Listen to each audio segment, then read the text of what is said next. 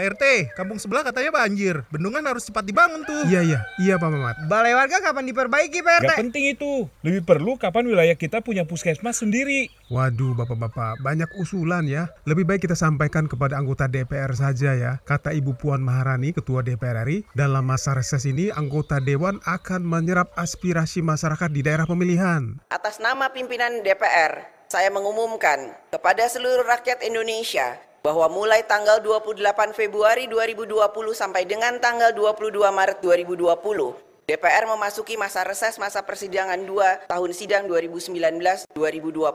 Ini merupakan kesempatan bagi masyarakat untuk menyampaikan aspirasi kepada wakil-wakilnya. Sapalah rakyat di daerah pemilihan atau dapil masing-masing. Sampaikan tugas-tugas konstitusional yang telah dilaksanakan oleh Dewan dan persatukanlah rakyat dengan semangat gotong royong dalam membangun kemajuan Indonesia. Pesan ini disampaikan oleh TV dan Radio Parlemen, Biro Pemberitaan Parlemen, Sekjen, dan BKD DPR RI.